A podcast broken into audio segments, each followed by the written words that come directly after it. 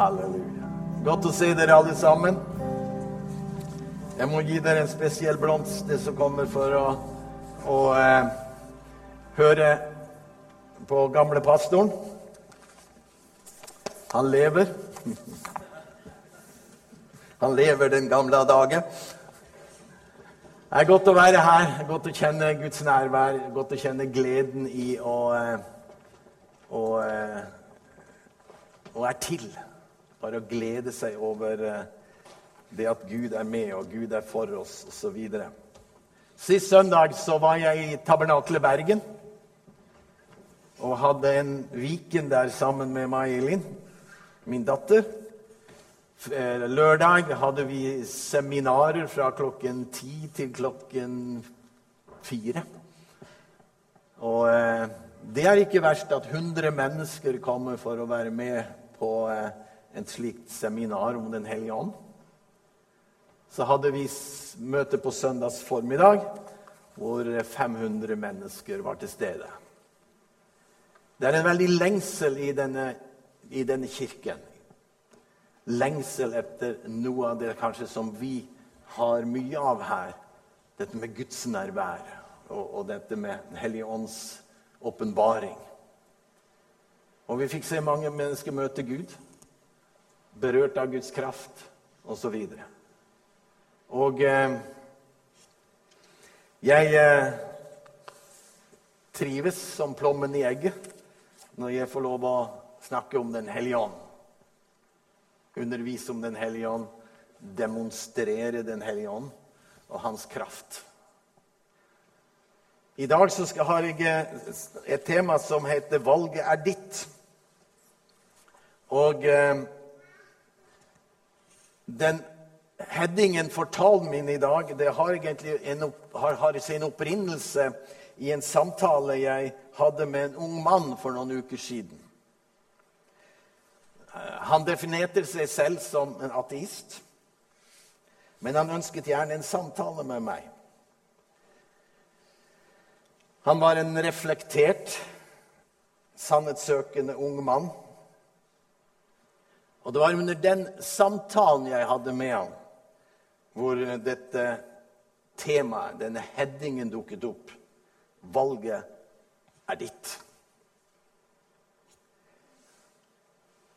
Jeg skal komme tilbake til det videre i talen min, men jeg ønsker at vi skal lese i sammen eh, Forkynneren 3.11. Jeg skulle hatt det på eh, skjermen bak, men eh, Det var noe feil med datamaskinen. Nei, det var ikke det. var jeg som mista det hele. Og eh, sånn er det. Og eh, det forsvant og ligger vel et sted, men rørleggeren klarte ikke å få det ut igjen. Så da, dere får høre hva jeg leser i Guds ord, og så får dere Jeg har Bibelen med. Dere får, eh, får lese sammen med Altså Forkynneren 3 og vers 11. Der står det Alt skapte han vakkert i sin tid. Også evigheten la han ned i menneskenes hjerter. Men de fatter ikke det verk som Gud har gjort fra først til sist. En gang til. Alt skapte han vakkert i sin tid, altså Gud, skaperen vår. Også evigheten la han, la han, har han lagt ned i menneskenes hjerter. Men de fatter ikke det verk som Gud har gjort fra først til sist. Et menneske jo, er jo, som Morten var inne på en formiddag her, er jo delt opp i, i, i, en, i en, tredelt personlig, det trefoldige mennesket. Så vi har en kropp, vi har et sjelsliv, og vi har en ånd. Både en menneskeånd og en Guds iboende ånd. Og denne, når Gud sa at alt var såre godt, da hadde han blåst av sin ånde inn i vår ånde, som er menneskeånden. Og så tente han den lampen som er inni oss. Eh, eh, ordspråket sier at menneskets ånd er en Herrens lampe. Og et menneske som ikke tror på Jesus, og som bekjenner Jesus bort, har en formørket ånd i seg, har en lampe i seg som ikke er tent. Men den har en lampe som står der, og den ånd som mennesket har, skal også leve evig. Alle mennesker har en unik ting over seg. Det er at, at i skaperverket så blåste Gud sin ånd inn i mennesket, og mennesket ble til en levende sjel. Med andre ord, vi fikk del i guddommelig natur, og vi ble et åndsvesen.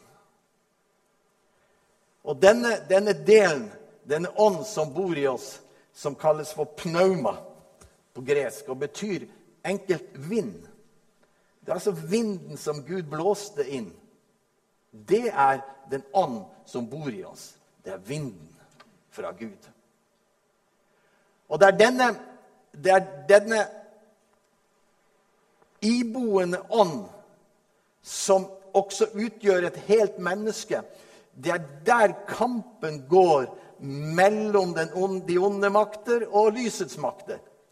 Det er ingen, det er ingen skapning i universum som er mer ettertraktet for å fange eh, for, å, for å få interessen til som menneske. Mennesket er det ypperste av alle skapninger. Derfor er kampen om mennesket stort mellom mørke og lys. Mellom de onde makter og de gode makter. Derfor skal du vite til enhver tid at du står i en kryssild. Det slår ut i ditt sinn, slår ut i dine følelser. Og Derfor er det så viktig at i dette, denne, denne kampen så er det hva, hva du velger, som er det viktige. Mennesket har en evig ånd, som jeg nevnte. Men det som er det ypperste og det største med mennesket, det er noe som kalles for medvete på, på nynorsk, eller medvitenhet. Og Dette er en, en, en, veldig interessant sak som jeg ønsker å si litt om. Altså, Vi har evner som ikke noe annet liv på jorden har. Det bærer menneskene. Har, altså, vi har evne til å tenke, til å bedømme, til å reflektere til å vurdere, til å overveie, til å undre oss, og ikke minst til å velge og å beslutte noe. Og dette er vår medvitenhet. Medvitenheten er en gave som er gitt til menneskeheten, som går på at jeg har evnen til å vurdere hvem jeg er. Hvor kommer jeg fra? Hvor skal jeg? Er det riktig, det jeg gjør? Er det ikke riktig, det jeg gjør? Og dette er, dette er det ypperste. Dette er så veldig viktig for deg og meg å forstå at vi er ikke den ypperste skapningen fordi vi er sterkest, eller fordi vi er vakrest, eller fordi vi har best luktesans eller ser best. Vi er den ypperste skapningen fordi vi har en medvitenhet om oss selv. Og det er nettopp det som er spørsmålet om din eksistens.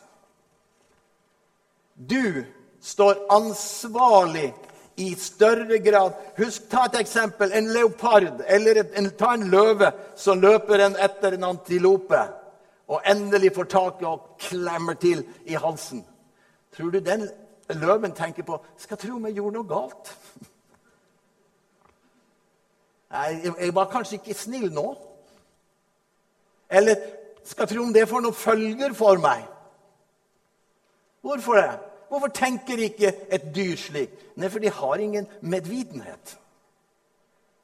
De har ikke forståelse av en verdi som ligger på et høyere plan. Og det som er, eh, det som er interessant i, i, dette, det er faktisk at, at eh, medvitenheten er noe av det som vitenskapen faktisk har størst problemer for å forklare. Jeg hørte en, en, en, teolog, og han var også en forsker. Han sa at en av de tingene som vitenskapen ikke har klart å forske på, det er menneskets medvidenhet. Og som han sa, hvor skulle vi begynne? Hva, hva, hva er dette for noe? Og Det er dette som jeg, det skriftstedet som jeg innledningsvis sa. Han skapte alt vakkert i sin tid, og evigheten la han ned i menneskenes hjerter. Men de fatter ikke det verk som Gud har gjort. Han la evigheten ned i menneskenes hjerter. Gud la ikke evigheten ned i løven eller andre dyr, men mennesket som den ypperste skapning fikk denne, eh, denne gaven. Medvitenhet, evnen til å reflektere, er et av vitenskapens mest, for, minst forskede områder, ifølge en teolog, som jeg nevnte deg, til deg. Jeg skal, jeg skal, gå veldig kort innom en, en mann som heter eh, C. S. Lewis. Han som laget Narnia-filmen, eller hadde manuset. Som, den heter eh, 'Løven, heksa og klesskapet'. ikke sant? Jeg håper Hvem har ikke sett den nå? Det er interessant, Jeg leste en del om han faktisk på Wikipedia. Og Der står det at uh, han var allerede ateist som 13-åring. Og var en meget sint mann, eller ung mann, og han var veldig sint på Gud. Han eh,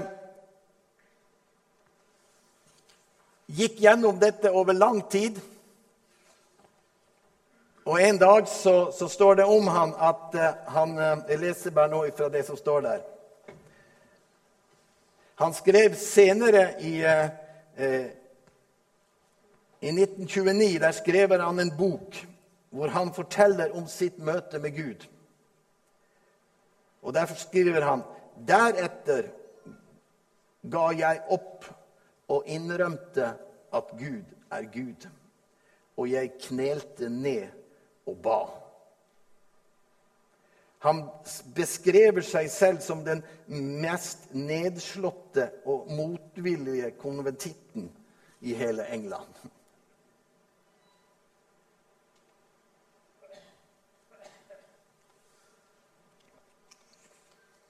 Og han skriver også Han forteller at han var svært sint på Gud for at han eksisterte, samtidig som han var ateist.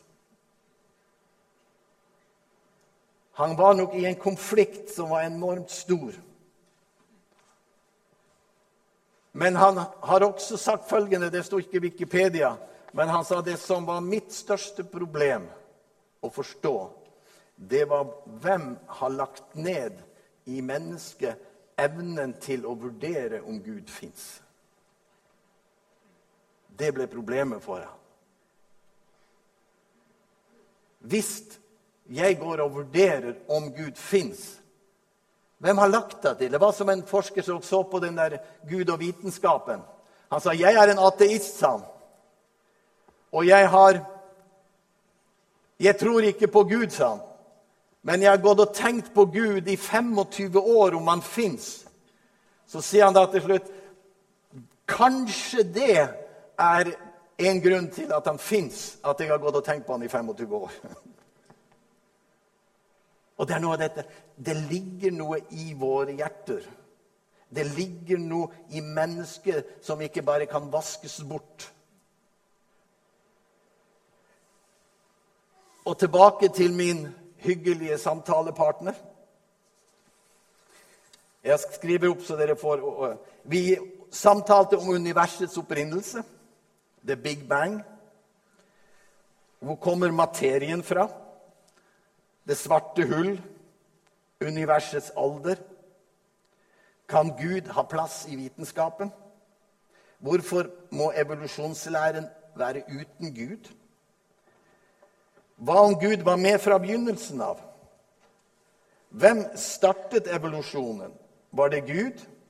Var det han som la inn alle genetiske koder fra begynnelsen av? Hvis vi vil tro på evolusjonslæren. Mitt spørsmål til slutt ble da kan du bevise hvor all materien som jorden består i, kommer ifra? Og kan du bevise at Gud ikke var der når den startet? Og han svarte nei, selvfølgelig kan jeg ikke det. Men så sier han til meg, men kan du bevise det motsatte? Og jeg måtte si nei, selvfølgelig kan jeg ikke bevise at Gud fins. Så satt vi og snakket litt sammen. Så sier jeg da at da har du med andre ord valgt han bort fordi du tror at det ikke fins, enda du ikke fullkomment vet hvor alt kommer ifra. Vi snakket om the big bang, det svarte hull og den materien som da måtte komme. Hvordan kan du vite Og da sier han selvfølgelig det er ingen som vet hvor det kommer fra. Men hvordan kan du vite at Gud ikke var der når ingen vet hvor det kommer fra? Og denne dialogen vi hadde, endet opp i dette at valget er ditt. Jeg velger ut fra jeg tror at Gud var fra begynnelsen av. Om jeg kan bevise det eller ikke bevise det, det er unødvendig for meg. Jeg bare velger å tro. Så sier han da ja, men da tror vi altså begge to. Men vi tror på to veier. Og det var da jeg sier til ham yes, og valget er ditt. Du har altså valgt han bort, og jeg har valgt han inn. Og Det var dette som kom da i mitt hjerte. Denne, denne valgprosessen. Vi, vi, velger ikke bare denne store evighetsvalget når det gjelder, eh, når det gjelder vår frelse eller Guds eksistens og alle disse tingene. Men vi velger hele tiden. Jeg skal lese et bibelvers til dere. Jeg skal ta to bibelvers hvor vi snakker om det, hvor valg, hvor mye det utgjør, og hvor viktig det er. Og Da er det nesten håper jeg, uunngåelig å lese uten at vi leser fra Lukas 15 om den bortkommende sønn, eller den hjemkommende sønn, som de sier også. Fra vers 17 til og med 18. Det står at det går litt lenger, vi skal ikke lese opp alt, men det står at den ene sønnen kom til sin far og sa, 'Gi meg halve delen av arven, for at jeg ønsker det og det og det.' Han hadde tatt et valg. Og så, i, så er vi da ute i, eh, mens han er ute i, på livet. Og da står det i vers Lukas 15, 17-18.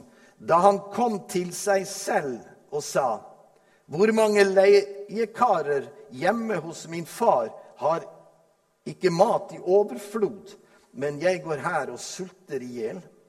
'Jeg vil bryte opp og gå hjem til min far og si:" 'Jeg har syndet mot himmelen og mot deg.' Dermed brøt han opp og dro hjem til sin far. Én ting er sikkert. Dette er en typisk ung mann med full av energi. Og jeg vil si til dere unge menn som sitter her på front Veldig mange av oss gjør Ikke veldig mange, men en god, del, en god del av oss gjør de mest dumme valg i begynnelsen av vårt liv. Vi reflekterer mer og mer og mer etter hvert. Men denne mannen her han tok et valg. Han bestemte seg at 'jeg skal gjøre det og det'. Og jeg skal si det at Han var i godt selskap. Vi kjenner en mann som heter Paulus. Han tok noen valg helt i begynnelsen av sitt liv som ikke var de beste. Det står at de om Paulus mens han het Saulus, og før han hadde opplevd Jesus, så står det om Saulus at under forfølgelsen av eh, Så var det han eh, De drepte Nå glemte jeg han. Stefanus. Der står det at de la kappen ned, en, ned for føttene hos en mann som heter Saulus. Han var altså en av hovedpersonene i drapsforfølgelsen av de kristne.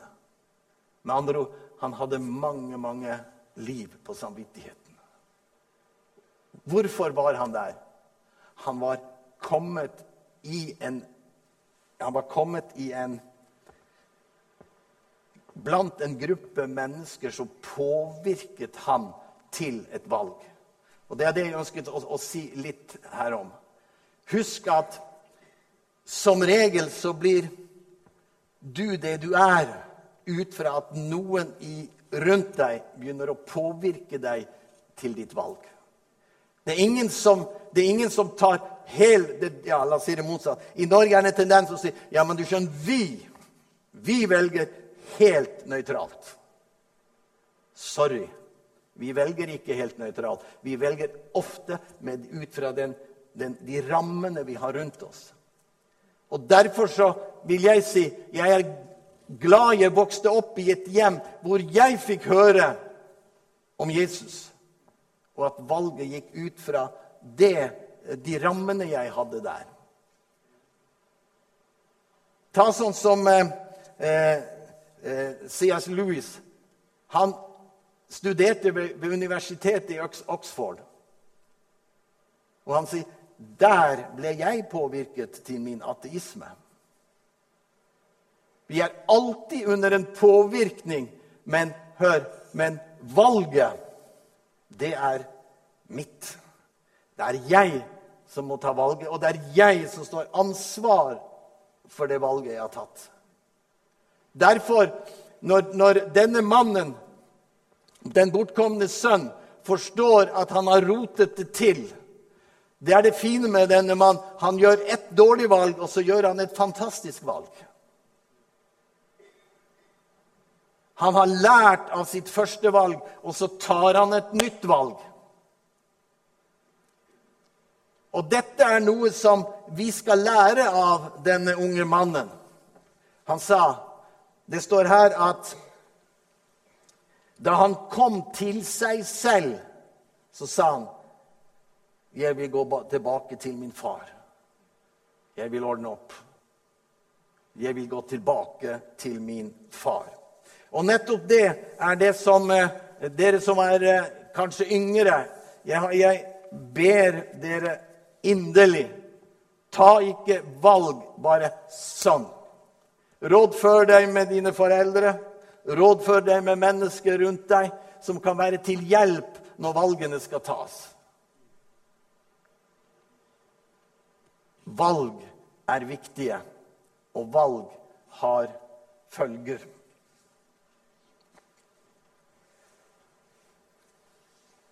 Du og jeg har, tar hundrevis av beslutninger hver dag, sies det. Du velger når du skal stå opp, du velger når du skal legge deg, når du skal spise, når du skal drikke, når du skal se på TV, hva du skal si, hva du skal gjøre, osv. Alt. Ta bare, ta bare dette med å velge hva du skal si. Du verden for et valg. Du verden for et valg. Og du verden hvor mange dumme valg vi har gjort når vi skulle si noe. Liksom Åh! Det skulle jeg aldri sagt.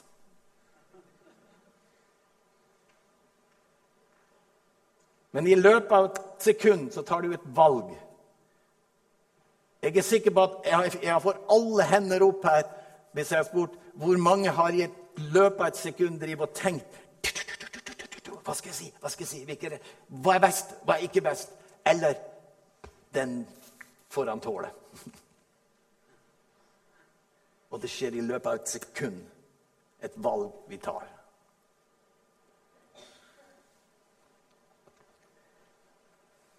Mange av oss tenker om jeg bare hadde gjort et bedre valg den gangen.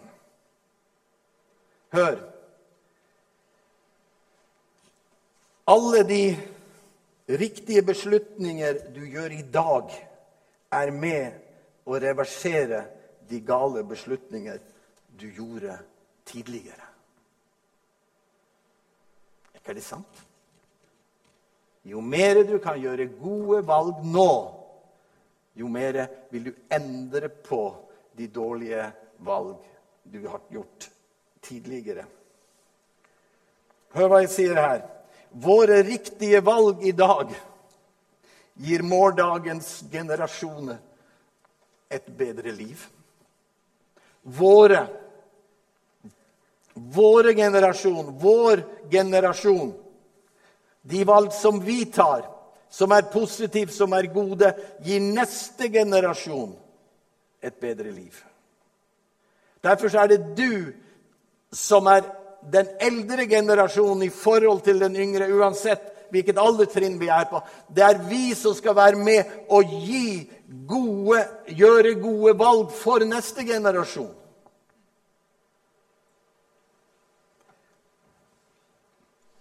Jeg vil gi deg et skriftsted. Romerbrevet 5 og vers 19 står det For slik Hør dette her. Det, er, det, det høres ut som at ja, hva kan det ha med, med valg å gjøre? Hør. For slik som de mange ble stilt frem som syndere ved den enes, ene menneskes ulydighet, slik skal også de mange bli stilt frem som rettferdige ved den enes lydighet. Forstår du tanken i dette? Som den første Adam tok et valg og brakte inn sin beslutning, så skapte det en kolossal negativ effekt for hele verden. Det vi kaller for syndefallet. Han tok et valg og valgte å høre på den onde. Så kommer Jesus, og så tar han et motsatt valg. Han begynner å tale godt. Og det er det jeg skal fram til. Du, når, hvis du taler negativt, så blir det konsekvenser av det. Taler du godt, så blir det også konsekvenser, men de er gode. Derfor er det så viktig at du og jeg at vi hele tiden forstår jeg ønsker å ta gode valg, slik at min og den neste generasjons generasjon kan ha glede av det. Du og jeg er kalt gjennom våre valg og bekjennelse å sette mennesker i frihet. Jeg skal gå mot slutten her. Hva skal din ettermæle være? Hva har du skapt med dine valg? Så vil du kunne si ja, men jeg har ikke gjort så Jeg har gjort mange dumme valg. Ja, men de blir ikke bedre om vi fortsetter å tenke på dem eller male på dem. Det må komme et nytt valg. Som den bortkomne sønn. Han gjorde et dumt valg, men han tok et nytt valg. Og hør, din frihet ligger bare et valg foran. Din frihet gjelder kun et valg du tar.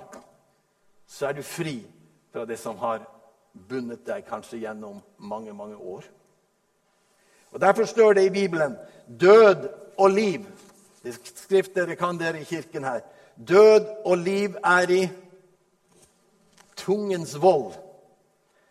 Og de som elsker den, skal ete dens frukt. Jeg, jeg, jeg fikk dette budskapet og jeg fikk dette i denne samtalen med denne unge mannen. Og da, da, så jeg plutselig noe. Han valgte bort. Men du og jeg, vi kan få velge inn. Din familie. Jeg må si jeg er glad og jeg er stolt over min familie. Og jeg tror at vi har gjort noen gode valg.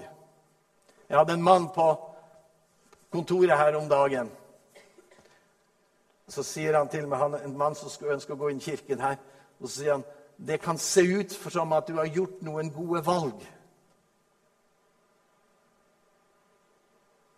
Og hør Det fins mange av dere her i kirken som har gjort fantastisk gode valg for deres familie og for barnas framtid. Mens det er noen som tenker men det ble ikke sånn hos meg. Da vil jeg si til dere, høre, en ny bekjennelse, en, et nytt valg, kan endre alt igjen. Og da vil jeg fortelle historien om en av de gutta som var med sammen med Nikki Cruise og David Wilkerson. Denne moren forteller en av Nikki Cruz' kamerater han er lite omtalt. Nikki Cruz på en måte her var headman i storyen. Men denne unge gutten, han falt ut på stoff. Og denne moren forteller hver dag, alle syv dagene i uka, da hadde jeg to timer hver dag som jeg ba for min sønn. Og på søndagen ba jeg to ganger. Og så sier han Og jeg ba Hør godt etter. Jeg ba ikke bare om at La oss kalle det for Nico. At Nico skulle bli frelst. Men jeg ba at du skal frelse Nico. Du skal fylle han med masse godhet, masse nådegaver. Du skal sette han til å bli pastor for en stor menighet. Det ba jeg i flere år, sier den damen. Jeg ønsket å bekjenne noe stort, fordi jeg hadde lært og jeg hadde tro for at når jeg bekjenner noe stort innenfor Gud, så kommer det noe stort. Og i dag, sa han, så er han pastor for en av de store menighetene i, i Amerika. Han var på, på, på stoffet, han var, på, han var en gangster i årevis. Men en dame som valgte å si det positive om hans endring, var det kraftig. Og det er min hilsen til dere her i, til slutt. Jesus er her. Martha og Maria. Det, Martha, Martha, du gjør det strev og uro med mange ting, men ett er nødvendig. Maria har valgt den gode del som ikke skal tas fra henne. Og Det blir min siste vinkling inn. Jeg har en nød for hjemmene i, i vår tid. Jeg har en nød for barna.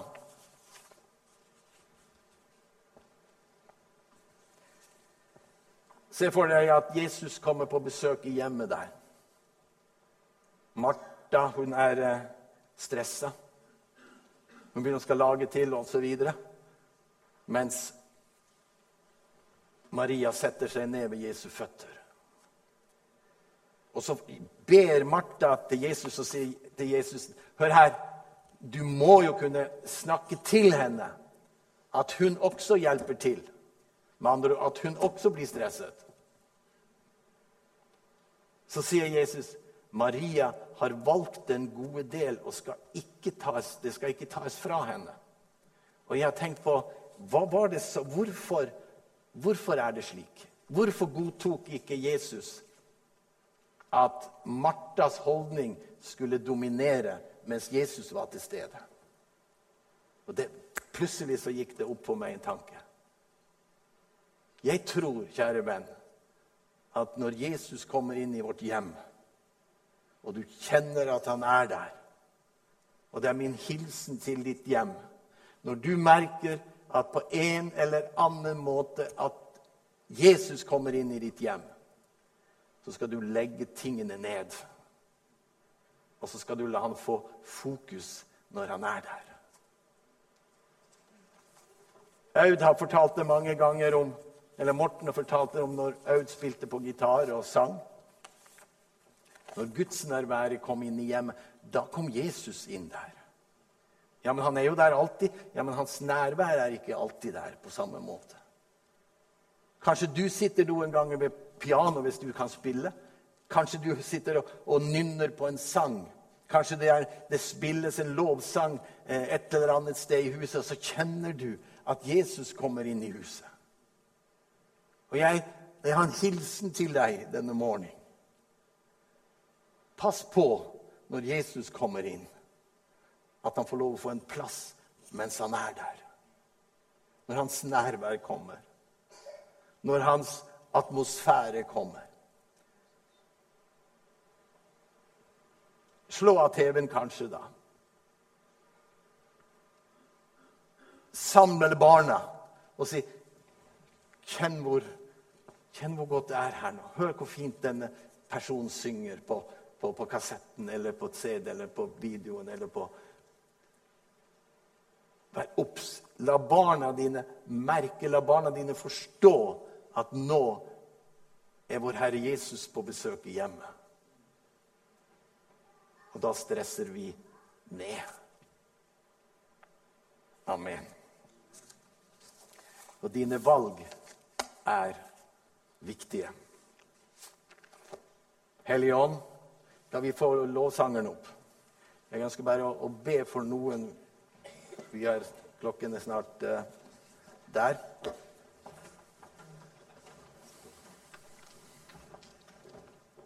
Vi skal reise oss alle sammen.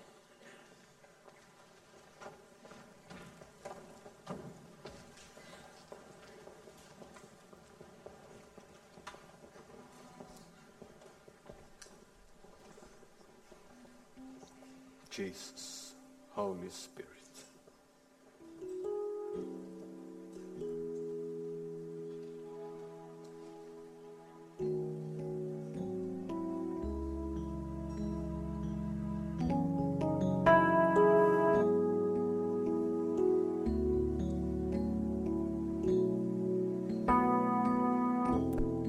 Halleluja.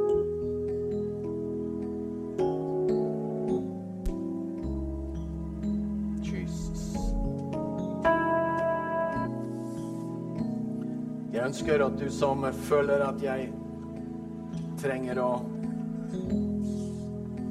få denne fingerspitsfølelsen av når Den hellige ånd er i hjemmet mitt. Du som ønsker en enda mer dypere forståelse av dette. Herre, jeg ønsker at mitt hjem i enda større grad skal ledes av mine valg og av de valg som Helligånd gir meg inn i mitt hjem. Du som ønsker en spesiell forbønn for det, kan du rekke opp din hånd. Ja, det er mange, mange hender som går opp her over hele Det er mange på galleriet der oppe også.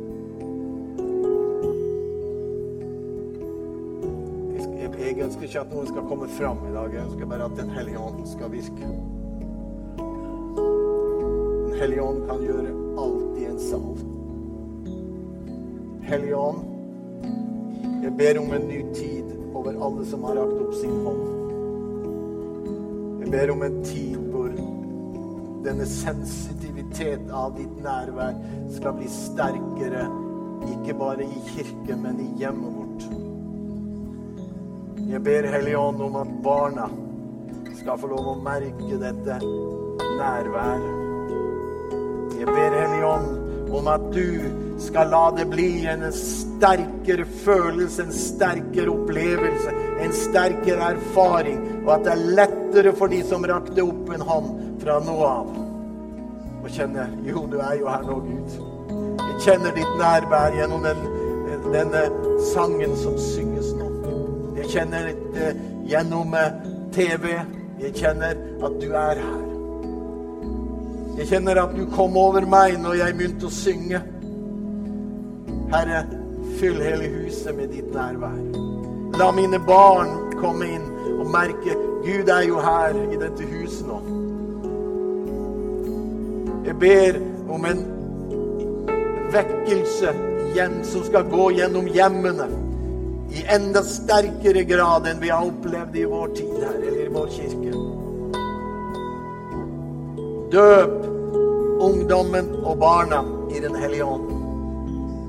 La dem erfare at du er ikke bare en teori oppi hodet eller noe på en film, men at du er en virkelighet som de kan kjenne og føle på at han er her nå. Takk at du gjør det. Hjelp oss å ta riktige valg. Jeg ber for unge mennesker her som skal gå inn i en tid av beslutninger, viktige beslutninger. Jeg ber om at de skal få lov å velge rett. At de skal slippe å gå denne rundturen og så må komme med et nytt valg. Herre, hjelp dem å velge rett med en gang. Jeg ber om det. Jeg ber om det så ber jeg om at alle sår som har, er hos mennesker nå på grunn av dårlige valg Du er ikke negativ til slike mennesker. Du vet at vi er begrenset. Du vet at vi har gjort mange, mange dårlige valg. Det var jo derfor du kom, Jesus. For å sette alle ting, alle våre dårlige valg, rette skikk, i god skikk. igjen. Jeg Hellige Ånd. Takk at du er her. Halleluja. Og lovsynger vi, så holder du holder hendene dine fram sånn som jeg gjør. Så ber du at Den hellige ånd kommer og rører ved dine hender. Tro at han gjør det. Tro at han velsigner deg. Ha fokus. Skal se at noe skjer i ditt hjem. Noen skjer i ting hos deg ting begynner å skje, for du begynner å, ha fokus på Den hellige ånd og slipper han inn i din hverdag ved ditt valg. Amen. Vi synger. Du er her.